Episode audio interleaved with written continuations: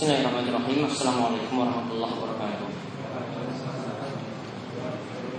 Alhamdulillahirabbil alamin. Hamdan katsiran tayyiban barakan fihi kama yuhibbu rabbuna wa yardah. Wa asyhadu an la ilaha illallah wahdahu la syarika lah wa asyhadu anna Muhammadan abduhu wa rasuluh. Allahumma shalli ala nabiyyina wa sayyidina Muhammad wa ala alihi wa man tabi'ahum bi ihsan ila yaumil Allahumma anfa'na bima 'allamtana wa 'allimna ma yanfa'una wa zidna ilma. Allahumma inna nas'aluka ilman nafi'a wa rizqan thayyiba wa amalan mutaqabbala. Baik, konfidin wa khatifillah rahimani wa rahimakumullah.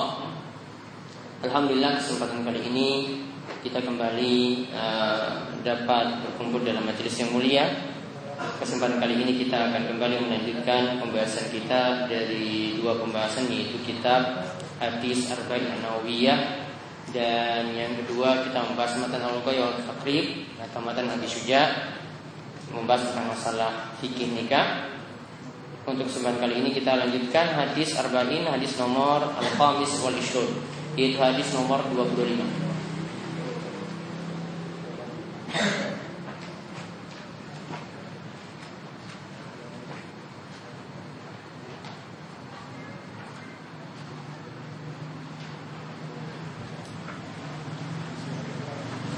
Yaitu dari Abu Dzar radhiyallahu anhu. Aidan. Yaitu sama seperti sebelumnya juga dari Abu Dzar Anak unas min ashabi Rasulullah SAW Qalu Nabi Sallallahu Alaihi Wasallam. Bahwasanya ada sekelompok sahabat Rasul SAW yang mengatakan kepada Rasul Sallallahu Alaihi Wasallam Ya Rasulullah, Zahaba ahlu dusur bil ujur.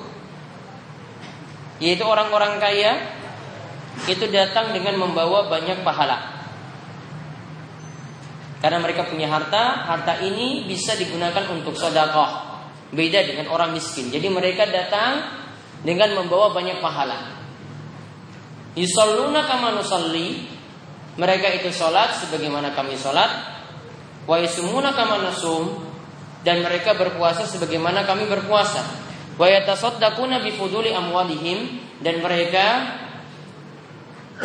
lebihnya itu adalah mereka itu bersedekah dengan harta-harta yang mereka miliki. Maka Rasulullah SAW mengatakan ketika itu awalaisa qad ja'alallahu lakum ma tasaddaqun Bukankah Allah telah menjadikan ada sesuatu yang bisa kalian gunakan untuk sodakoh. Kemudian Nabi SAW menyebutkan inna bikulli tasbihatin sodakoh.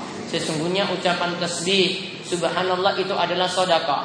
Wa kullu takbiratin sodakoh. Dan setiap ucapan takbir Allahu Akbar adalah sodakoh. Wa kullu tahmidatin sodakoh. Dan setiap ucapan tahmid Alhamdulillah adalah sodakoh wa kullu tahlilatin sadaqah dan setiap ucapan tahlil. La ilaha illallah adalah sedekah. Wa amrin bi ma'rufi sadaqah wa amrin bi ma'rufin sadaqah.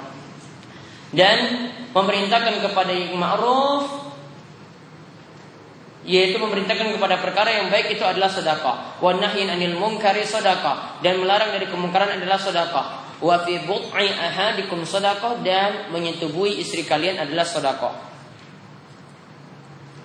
Kemudian untuk yang terakhir Nabi SAW katakan, ya eh, kemudian para sahabat mengatakan pada Rasul karena Nabi tadi katakan hubungan intim itu pun dinilai sedekah. Maka ketika itu para sahabat bertanya pada Rasulullah Sallallahu Alaihi Wasallam, ya Rasulullah, ayati ahaduna syahwatahu wa yakunu lahu fiha ajrun. Wahai Rasulullah, kenapa bisa ketika kami mendatangi salah seorang di antara kami mendatangi istrinya dengan syahwat ketika itu mendapatkan pahala. Maka ketika itu Nabi SAW menjawab, Ara'aitum law fi haram akana alaihi wizrun?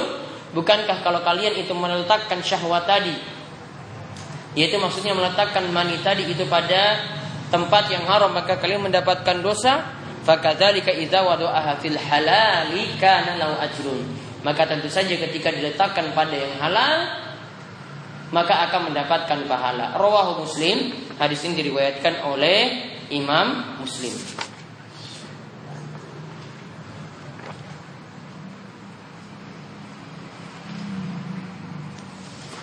Hadis ini menunjukkan kepada kita nantinya inilah perbedaan orang kaya dan orang miskin. Dan hadis ini adalah salah satu dalil yang menunjukkan keutamaan orang kaya. Orang kaya bisa bersedekah dengan hartanya sedangkan orang miskin itu tidak. Kita lihat satu persatu dari apa yang dimaksudkan dalam hadis ini. Disebutkan ada istilah sodakoh. Ya, disebutkan ada istilah sodakoh. Awalnya para sahabat itu memahami sodakoh itu adalah mesti dengan harta. Namun setelah itu Rasulullah SAW disebutkan bahwasanya segala sesuatu itu kalian bisa jadikan sodakoh. Lalu Nabi SAW memberikan contoh masing-masing. Intinya yang namanya sodako, sodako itu artinya isalul khair wan naf'u lil ghair. Yaitu memberikan kebaikan dan memberikan manfaat pada orang lain. memberikan kebaikan isalul khair wan naf'u lil ghair memberikan kebaikan dan memberi dan memberikan manfaat pada orang lain. Jadi kalau kita lihat dari pengertian ini maka sodakoh itu umum. Ya, sodakoh itu umum. Ternyata kalau dari definisi ini sodako itu bukan hanya sodako dengan harta. Apa dalilnya kok bisa dipahami seperti itu? Ini dapat dipahami kata Syekh Saleh al Syekh dari hadis yang membicarakan tentang masalah safar. Ketika itu dalam safar kita punya keringanan untuk mengkosor sholat. Sholat empat rakaat dijadikan dua rakaat. Maka Nabi SAW katakan tentang safar sodakotun tasaddaqallahu biha alaikum faqbalu sodaqotahu. Itu adalah sodakoh yang Allah berikan kepada kalian. Maka ambillah sodakoh tersebut. Apa yang dimaksudkan sodakoh di sini? Yaitu bentuk berbuat baik dari Allah. Ya, sodakoh di sini adalah bentuk baik dari Allah yang Allah itu berikan kepada hambanya. Maka masuk pengertian sedekah seperti apa yang kita definisikan tadi. Dari definisi ini para ulama bagi sodako itu ada dua macam.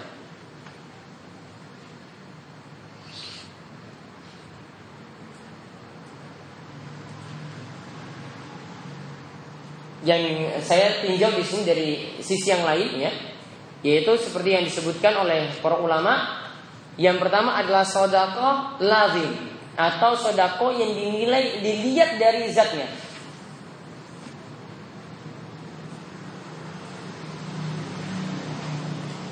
Yaitu maksudnya manfaatnya untuk orang yang bersodako itu sendiri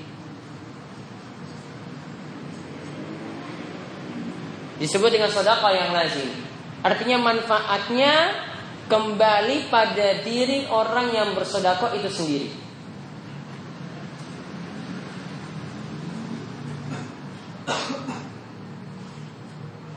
Nanti kita dapat lihat dalam hadis ini disebutkan dua macam sodako ini. Yang kedua, sodako mutaabdian,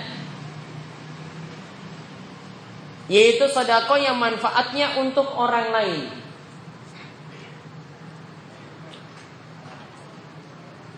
Sedekah yang manfaatnya untuk orang lain. Jadi ada yang manfaatnya untuk diri orang yang sedekah itu sendiri. Jadi kebaikannya untuknya.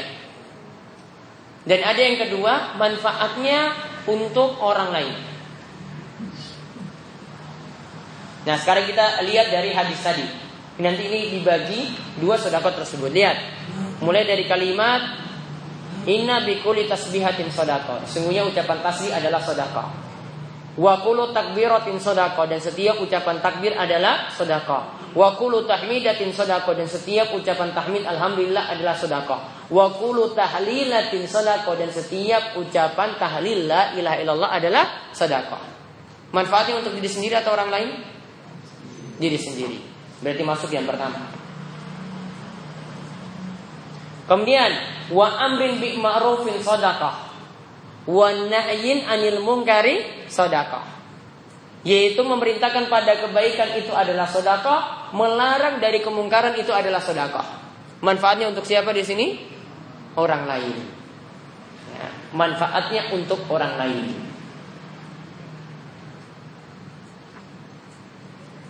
Jadi dari hadis tadi bisa disimpulkan ada sodakoh yang manfaatnya untuk diri sendiri dan yang kedua ada sodakoh yang manfaatnya untuk orang lain.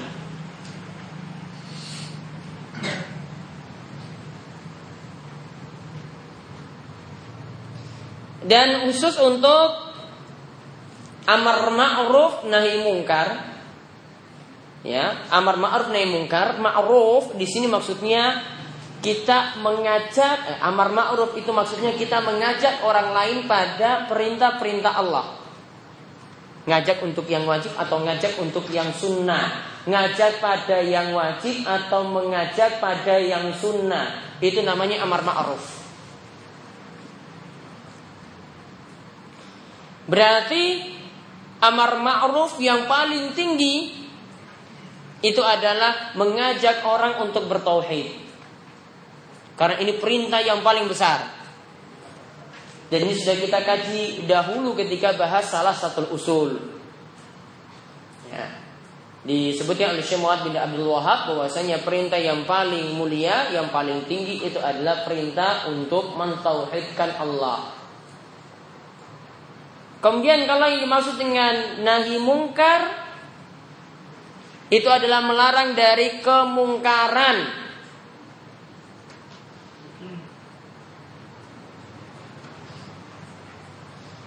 Yang dimaksudkan kemungkaran di sini adalah maksiat. Dan kemungkaran yang paling besar itu adalah berbuat syirik. Sebagaimana juga sudah disebutkan oleh Syekh Muhammad bin Abdul Wahab dalam salah satu usul larangan yang paling terbesar itu adalah berbuat syirik. Maka berarti kalau orang itu beramar ma'ruf seperti tadi, sodakoh. Dia memerintahkan orang untuk bertauhid. Sedekah. Kemudian dia melarang orang itu dari kemungkaran, melarang orang dari syirik itu juga adalah sedekah. Termasuk dia memerintahkan untuk kewajiban-kewajiban atau amalan-amalan sunnah yang lainnya. Di sini juga termasuk untuk kemungkaran di sini dia melarang kemungkaran yaitu melarang dari kesyirikan sedekah. Termasuk juga melarang dari maksiat juga adalah sedekah. Berarti dapat disimpulkan dan bentuk amar ma'ruf nahi mungkar itu adalah dengan mendakwahkan ilmu atau mengajarkan ilmu berarti mendakwahkan ilmu ini adalah sodakoh yang paling besar.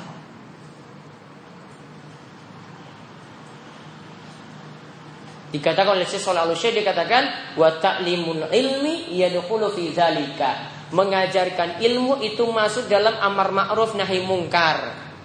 Wa fahuwa min anwa'is sadaqat. Itu termasuk bentuk-bentuk sedekah.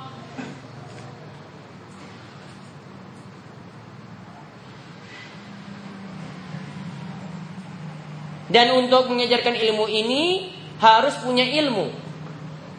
Ya, harus punya ilmu. Dan ilmu ini berarti manfaat untuk dirinya sendiri dan juga manfaat untuk orang lain. Intinya di sini para ulama itu sebutkan Orang yang berilmu ahlul ilmi a'zamun nas ujuran insaluhat niyatuhum. Para ulama itu katakan bahwasanya para ulama ahli ilmu, orang yang berilmu itu yang paling besar pahalanya di antara manusia. Asalkan apa?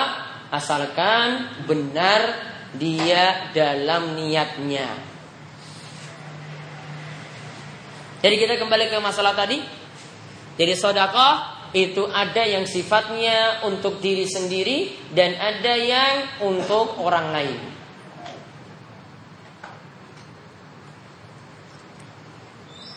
Begitu juga kita dapat simpulkan pula dari hadis ini dan juga nanti hadis berikutnya nanti kita singgung.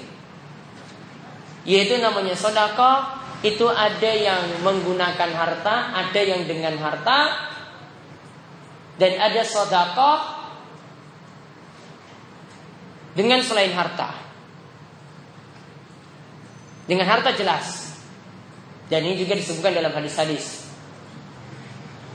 Seperti nanti akan kita temukan dalam hadis arba'in Nabi SAW mengatakan wasadaqatu tutfi'ul khati'ah kama yutfi'ul ma'un nar.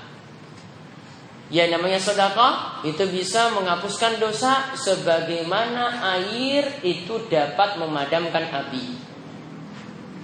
Dan juga seperti dalam hadis ya, ma naqasat sadaqatun min mal.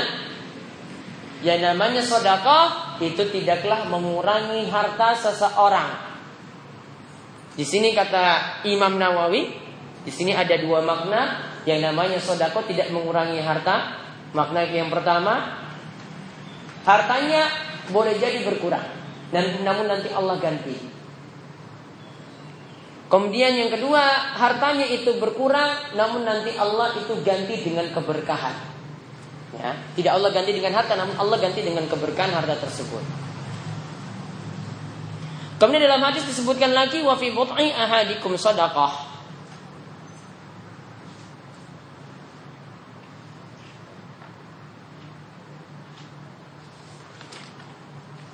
Yang dimaksud dengan bid'ah di sini adalah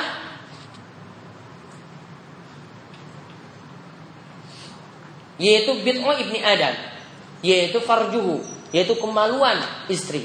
Yang dimaksudkan sini adalah berhubungan intim ini adalah termasuk sedekah.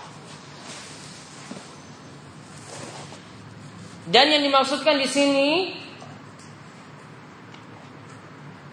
Ketika Nabi SAW menyebutkan seperti itu langsung para sahabat tanya, Wahai Rasulullah, ayati ahaduna syahwatahu wa yakunu lahu fiha ajrun. Kok bisa kami itu menumpahkan syahwat? Maksudnya kami ini mengeluarkan air mani. Ketika mengeluarkan syahwat tadi, jadi yang dimaksudkan ayati ahaduna syahwatahu, syahwat tahu yang dimaksudkan sini adalah air mani. Kami ini mengeluarkan air mani kok bisa mendapatkan pahala? Maka ketika itu Nabi SAW jawabnya yang sebaliknya. Bukankah ya jika kalian letakkan pada yang haram, araitum lawadha'aha fil haram, fakana alaihi wizrun, bukankah kalau kalian meletakkannya pada yang haram, bukankah kalian mendapatkan dosa? Nabi SAW jawaban dengan sebaliknya. Kemudian Nabi SAW simpulkan fakazalika iza fil halal fakana kana lahu ajrun. Oleh karena itu jika kalian meletakkan pada yang halal untuk syahwat tadi, untuk air mani tadi, maka kalian akan mendapatkan pahala. Berarti hubungan intim ini adalah sodakoh. Namun di sini para ulama punya pembahasan. Apakah cuma dengan mendatangi istri hubungan intim dengan istri itu dapat pahala ataukah mesti dengan niat ini untuk meninggalkan yang haram Haruskah disertai dengan niat atau cuma sekedar hubungan intim saja itu sudah dapat pahala. Maka sebagian ulama katakan karena dalam hadis ini tidak disyaratkan, ah harus dengan niat, niat untuk meninggalkan yang haram, niat untuk tidak berzina. Baru dapat pahala. Di sini dalam hadis ini tidak disebutkan. Maka sebagian ulama simpulkan meskipun tidak disertai niat ketika itu ya mendatangi yang halal seperti ini dia mendatangi istrinya tetap dapat pahala. Namun jumhur ulama atau kebanyakan ulama menyarankan mesti dengan niat.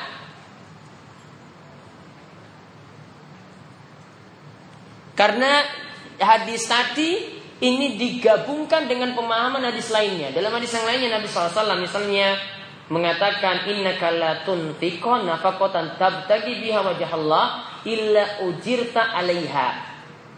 Sesungguhnya jika kalian itu menginfakkan nafkah, memberikan nafkah kepada istri kalian, tabtagi biha wajah Allah. untuk mengharap wajah Allah. Jadi dia kerja untuk juga cari pahala. Maka ketika itu Nabi katakan, melainkan nanti kalian itu akan diberikan pahala. Syaratnya apa di sini? Cari pahala, bukan sekedar cari nafkah. Begitu juga Allah Subhanahu wa taala katakan dalam surat An-Nisa ayat 114, La khaira fi katsirin min najwahum. Tidak ada kebaikan dalam bisik-bisik kalian. Illa man amara bisadaqatin kecuali yang memerintahkan untuk sedekah au ma'rufin atau memerintahkan untuk yang ma'ruf kebaikan au islahin bainan nas atau memperbaiki hubungan sesama. Lalu dikatakan wa mayyaf al zalika ibtigha'a maradatillah fasawfa nu'tihi ajran azima. Siapa yang melakukannya karena mengharapkan wajah Allah? Disyaratkan di sini melakukannya untuk mengharap pahala dari Allah. Maka dia kelak akan mendapatkan pahala yang azim, pahala yang besar. Maka jumhur ulama itu menyaratkan untuk mendapatkan pahala disyaratkan dia itu e, menyetubui istrinya karena meninggalkan yang haram karena untuk untuk mengharapkan ridha Allah. Begitu juga dia cari nafkah, dia berikan nafkah kepada istrinya juga ini dilakukan karena untuk mengharapkan ridha Allah Subhanahu wa taala, bukan karena itu kerjaannya atau bukan karena itu ya sekedar kebiasaannya, namun harus disertai dengan niat.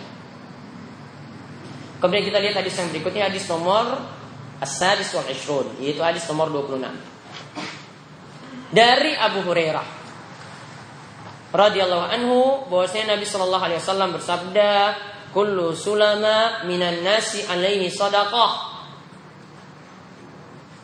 Setiap persendian manusia punya kewajiban untuk sedekah.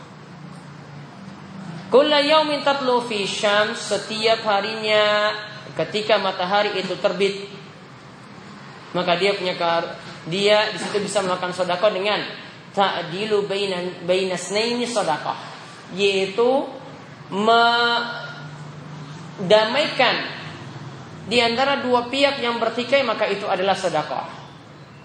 Wa tu'inur rajula fi dabbatihi fatahmilu 'alaiha dan dia itu menolong orang lain di hewan tunggangannya. Maka fatahmiluhu 'alaiha dia mengangkatnya Yaitu engkau itu mengangkatnya. Di sini engkau semuanya tak dilu baisna ini sedekah. Engkau mendamaikan di antara dua pihak yang bertikai itu adalah sedekah. Wa tu'inu rajula fi dabati 'alaiha. Dan engkau itu menolong orang lain di hewan tunggangannya. Itu maksudnya di sini adalah engkau mengangkatnya di atas hewan tunggangannya. Mengangkat orang itu supaya naik kendaraan au tarfa'u lahu 'alaiha mata'ahu shadaqah atau engkau mengangkat barang-barangnya ke kendaraannya ke atas kendaraannya. Maka itu adalah sedekah wal kalimatu thayyibatu sadaqah dan kata-kata yang baik kata-kata yang thayyib kalimat yang halus kalimat yang santun itu adalah sedekah Wa kulli ila shalah. Dan setiap langkah berjalan menuju salat itu adalah sedekah. Wa tumitul adza anit. Dan menyingkirkan gangguan dari jalanan itu adalah sedekah. Dikatakan dalam hadis ini kullu sulama setiap persendian yaitu persendian minanas dari manusia alaihi sadaqah alaihi di sini dalam ilmu usul fikih ini adalah salah satu kalimat yang menunjukkan makna wajib. Jadi setiap persendian itu ada kewajiban untuk sodako.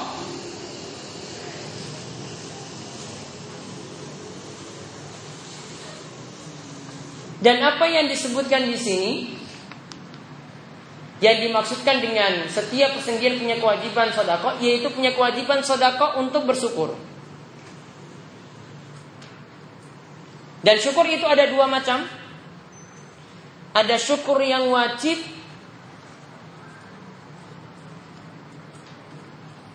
dan ada syukur yang mustahab, yang sunnah. Ada syukur yang wajib dan ada syukur yang mustahab atau yang sunnah.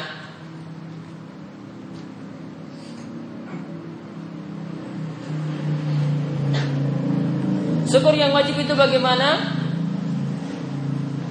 Yaitu syukur yang wajib dengan melakukan kewajiban dan meninggalkan maksiat.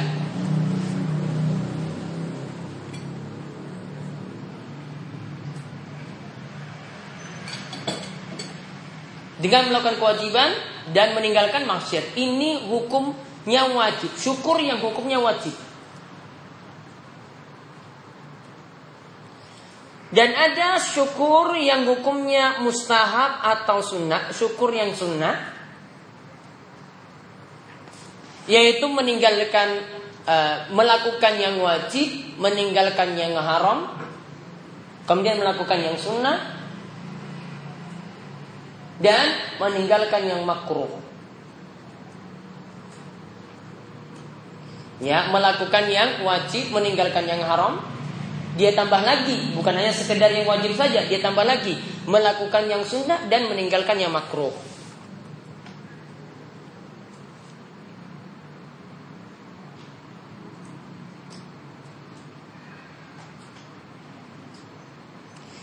Berarti kalau dikatakan tadi setiap orang punya kewajiban sodako berarti harus ada syukur yang wajib yang dia penuhi. Artinya dengan sulamanya tadi, dengan persendiannya tadi dia harus lakukan amalan wajib dan dia harus meninggalkan maksiat.